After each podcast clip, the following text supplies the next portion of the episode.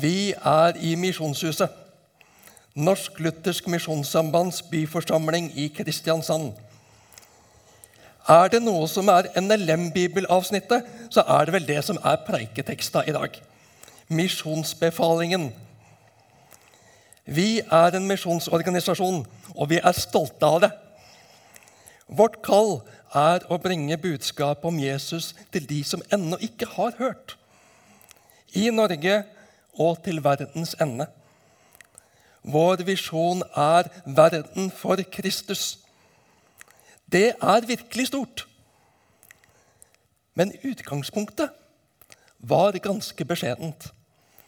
La oss høre fra Guds ord, Matteus 28, 16-20. Vi står. Men de elleve disiplene dro til Galilea, til fjellet der Jesus hadde sagt han ville møte dem. Og da de fikk se ham, falt de ned og tilba ham, men noen tvilte. Da trådte Jesus fram og talte til dem. Jeg har fått all makt i himmelen og på jorden. Gå derfor og gjør alle folkeslag til disipler. Døp dem til Faderens og Sønnens og Den hellige ånds navn og lær dem å holde alt det jeg har befalt dere. Og se, jeg er med dere alle dager inntil verdens ende. Slik lyder Herrens ord. Vær så god, sitt. Jeg vil at du skal prøve å se for deg en av disiplene. De har opplevd sitt livs nederlag da Jesus, mesteren deres, ble tatt til fange skjærtorsdag natt for så å bli offer for en farse av en rettssak. Pisket offentlig og døde i fornedrelse. Alle drømmene deres, alle forventningene deres, ble lagt i grus. Hva nå? Så kommer påskedagsmorgen. Mens de sitter bak stengte dører av frykt for de religiøse lederne kommer noen av kvinnene som hadde vært i Jesu følge, og sier at grava er tom. At Jesus er stått opp fra de døde. Og nå de siste dagene har det vært flere slike opplevelser. Flere sier at de har sett Jesus her og der. Ja, sammen har de jo også sett Jesus lys levende. Han kom gjennom stengte dører. Han spiste et stykke fisk for at de skulle skjønne at han var fysisk levende, ikke bare en ånd. Nå har han sagt at han vil møte dem i Galilea. Der det hele begynte. Der de har vandret sammen. Der de vokste opp. Der de fisket og dyrket jorda. Der Jesus kalte dem til disipler. Fjellet Mon tro om det er fjellet hvor Jesus ble herliggjort for øynene for Peter, Jakob og Johannes? Moses og Elias som samtalte med Jesus mens de så på. Og Guds stemme fra himmelen. Dette er min sønn, den elskede. I ham har jeg min glede. Hør ham. Nå er de her. De har vært lydige og dratt til fjellet i Galilea slik Jesus ba dem. Og så får de se ham. Jesus viser seg igjen for disiplene, de elleve, og de faller ned og tilber. De har nok lurt på det. Ja, de har jo sagt det også, at Jesus er Gud. Men nå siger det inn mer og mer. Det er Gud selv de har hatt med å gjøre hele tiden vandret med Gud, lyttet til Gud, spist med Gud, sovet side ved side med Gud. Han har gjort mange under og mirakler, og det har vært fantastisk. Men nå har han selv gått gjennom død og grav. Beseiret døden, overvunnet døden. De ser ham med et klarere blikk og en klarere forståelse. Dette er Gud. Jesus er Gud. De kan ikke annet, og de vil ikke annet enn å falle ned og tilbe ham. Likevel. Men noen tvilte. Det har vært mye nå. Det har vært mer enn de klarte å ta inn. Hvordan skal de forstå dette? Hvordan skal de forholde seg til det hele? Uttrykket som er brukt for tvil, betyr ikke uvilje til å tro, men nøling, usikkerhet. Dette er mer enn de makter å riktig gripe. Er det noe rart? Det sprenger jo alle rammer de er vant til å tenke i og forstå ting i. Jesus er ikke begrenset til disse rammene. For Gud er ikke begrenset til disse rammene. Og det er lov å tvile. Det er lov å slite med å få det til å gå opp. For vi må tenke utenfor boksen, vår lille menneskelige boks, for å få det til å gå opp. Være villige til å utvide rammene. Det er noe over meg. Det er noe over mennesket. Det er noe over det som vi kan se og ta på. Noe utover tid og rom. Gud. Og han har grepet inn i vår tid, vår tilværelse. Det vil si, det er jo egentlig hans tilværelse, den også, men vi opplever den som vår. Den er vår referanseramme. Gud kom inn i vår tid, vår verden, vår tilværelse, for å forsone den med seg, forsone oss med seg. Det er ikke akkurat noe vi kan tenke oss til sjøl. Vi må få det åpenbart. Det er ikke rart at de tvilte. Det er ikke rart at de trengte litt tid. Og Jesus avviste ikke tvilerne. Jesus skiller dem ikke ut og signaliserer dere tror ikke nok, dere er diskvalifisert. Nei. Men Jesus trer selv fram. Og det demonstreres igjen slik det har vært gang på gang på gang. Det er Jesus som handler. Det er Jesus som gjør under. Det er Jesus som er den som fanges, tortureres, drepes, men også reises opp fra de døde. Det er Jesus som forsoner menneskene med Gud. Det er Jesus som er frelseren. Og det er Jesus som trer fram også nå. Og han taler til dem. Jeg har fått all makt i himmelen og på jorden. Daniel profeterer i kapittel 7 ut ifra sitt nattlige syn hvordan en lik en menneskesønn skal få herskermakt, ære og rike over alle folk, nasjoner og tungemål. Og Paulus proklamerer i Kolosserne 1, 15-20.: Han er den usynlige Guds bilde, den førstefødte før alt det skapte.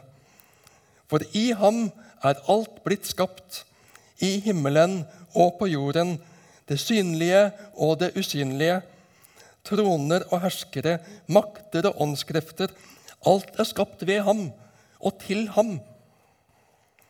Han er før alt, og i ham blir alt holdt sammen. Han er hodet for kroppen, som er kirken.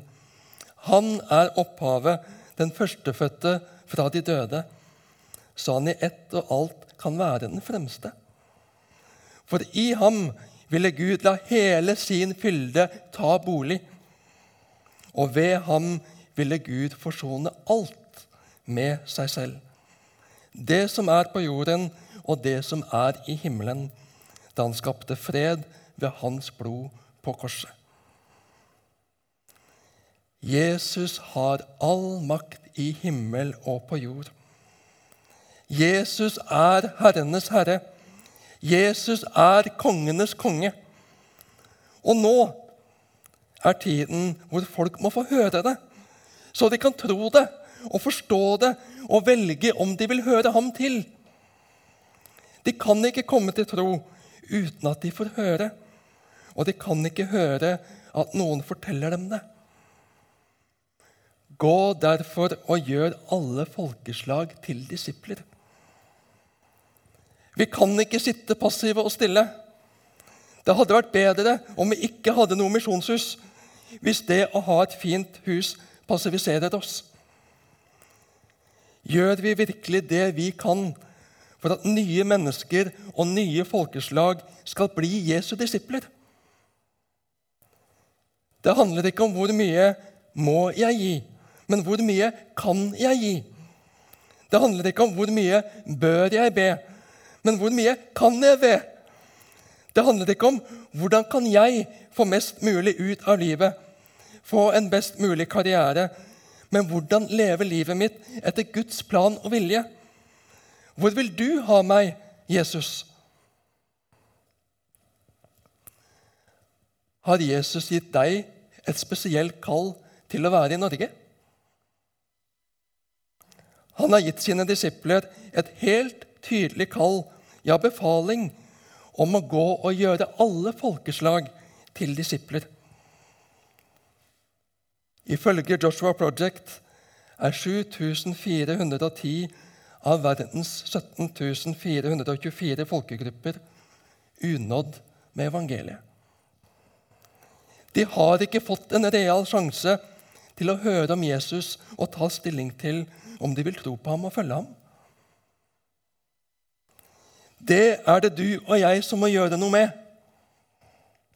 Vi som kjenner Jesus, vi som tror på Jesus, vi som tror at Bibelen er Guds ord. Vi må ikke glemme. Vi må ikke legge den tanken vekk. Vi har fått et oppdrag. Vi har fått et oppdrag av Han som har all makt i himmel og på jord. Er du klar? Er du med? Vi lever ikke for oss selv, men for Ham som ga sitt liv for oss. For å gi oss livet, for å gi oss håp. Håp om en god framtid, en himmel over livet. Det er lett å gi hverandre dårlig samvittighet midt oppi det beste av alt. Dårlig samvittighet kan være sunt hvis det vekker og snur. Men det er en dårlig drivkraft. Vi blir veldig dårlige på misjon og alt annet om vi gjør det fordi vi burde. Og vi blir veldig fort slitne og veldig fort motløse. Hva var det Jesu første disipler gjorde? Lukas skriver de falt på kne og tilba ham. Så vendte de tilbake til Jerusalem i stor glede. Siden var de stadig i tempelet og lovpriste Gud, inntil Den hellige ånd kom over dem og fylte dem. Da forsto de for alvor, og da fikk de kraft og lys til å gå. Og det gikk, i hvert fall noen. Men det kan tyde på at for mange var i ro. Men så kom det forfølgelse, og så ble de spredt. Og budskapet om Jesus spredte seg. Evangeliet har gått fram i verden på for å snakke litt i store bokstaver to måter. Gjennom kall og nød og brann for de ufrelste, og gjennom motstand og forfølgelse og nøden spredte de kristne. Og der de kom, så kunne de ikke tie stille om han de trodde på. De levde åpent og utadvendt med sin tro. Vi trenger å komme sammen og næres og styrkes og hjelpe hverandre til å ha fokus på ham. Ikke på oss, ikke på hverandre, men ham. Lovprise Gud, lovprise Jesus. Se på ham. Se hva Jesus virkelig har gjort for oss. Hvem Jesus er. Se på ham. Se på Jesus. Der må brannen tennes. Der må livet næres. Vi må ikke leve på armlengdes avstand av Jesus, fra Jesus. Vi trenger ingen koronameter fra Jesus. Tvert imot. Vi trenger å smittes av Jesus. Vi trenger å preges av Jesus. Hans blikk på våre medmennesker. Hans kjærlighet til alle mennesker.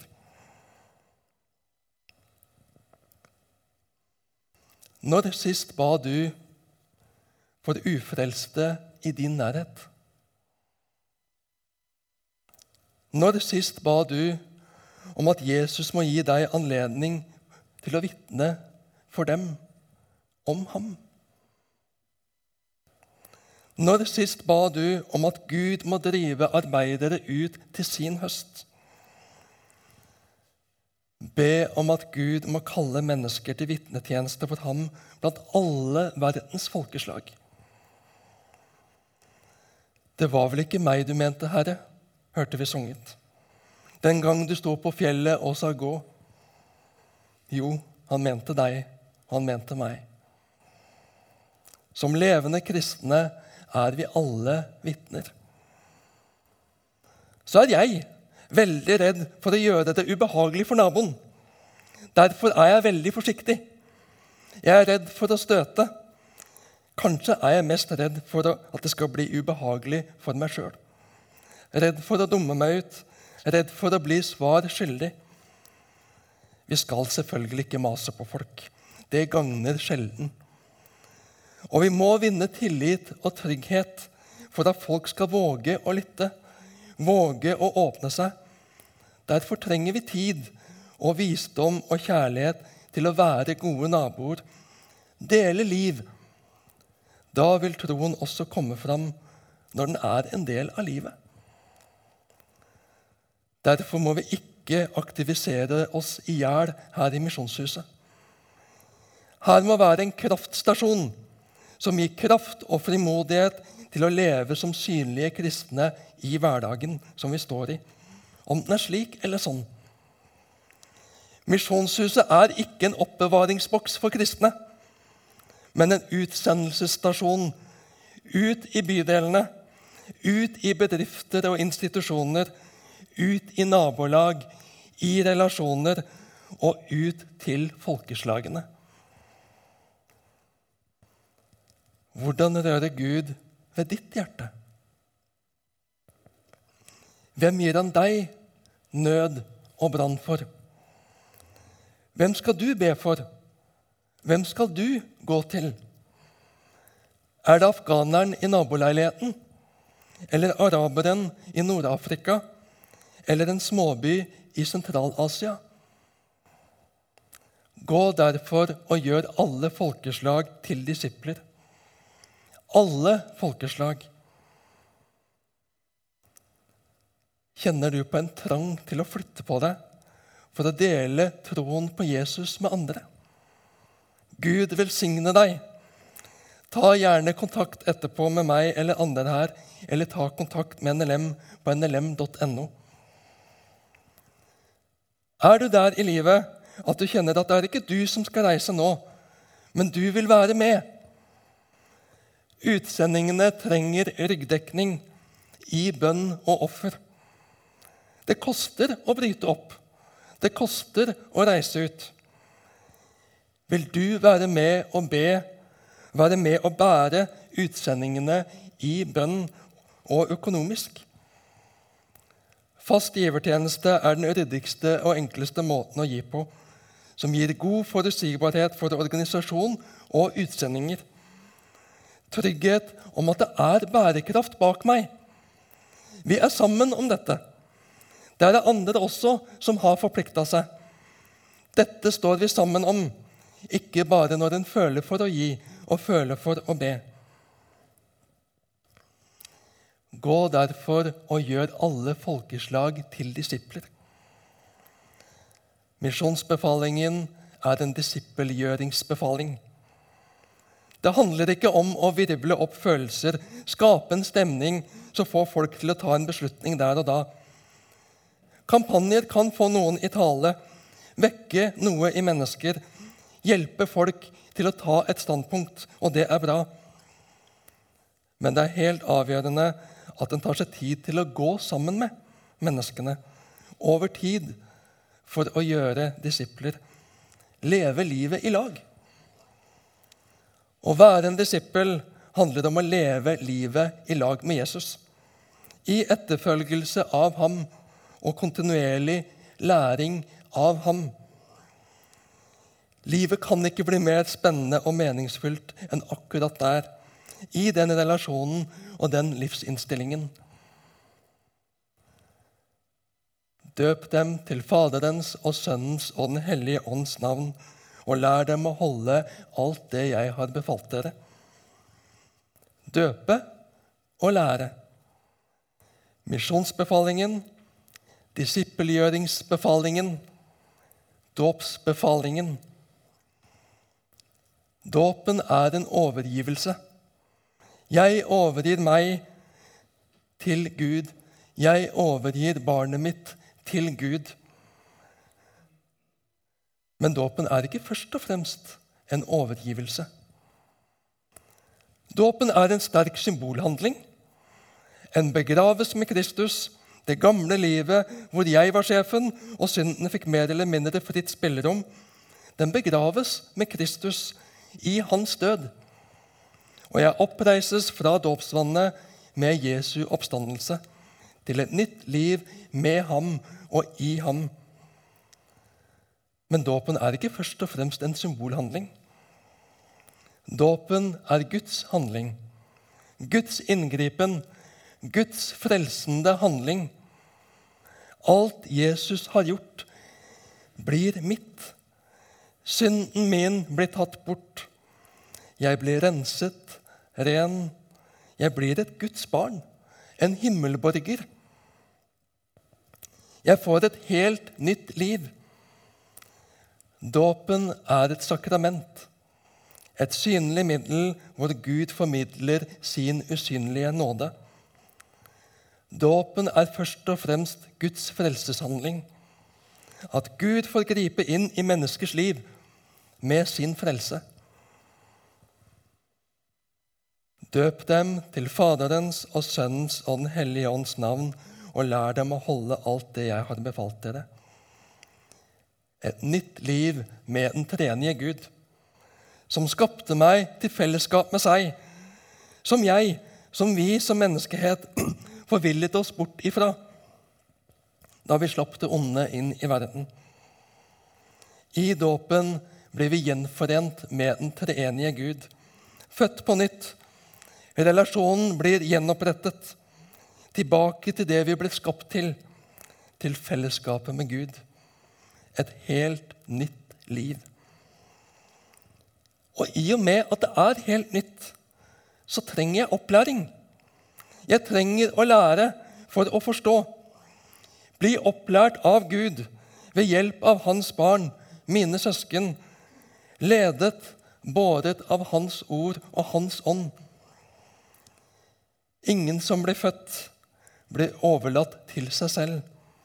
Om det skjer, da er det den sikre død. Omsorg, næring, opplæring må til for at vi skal bevares, styrkes og vokse.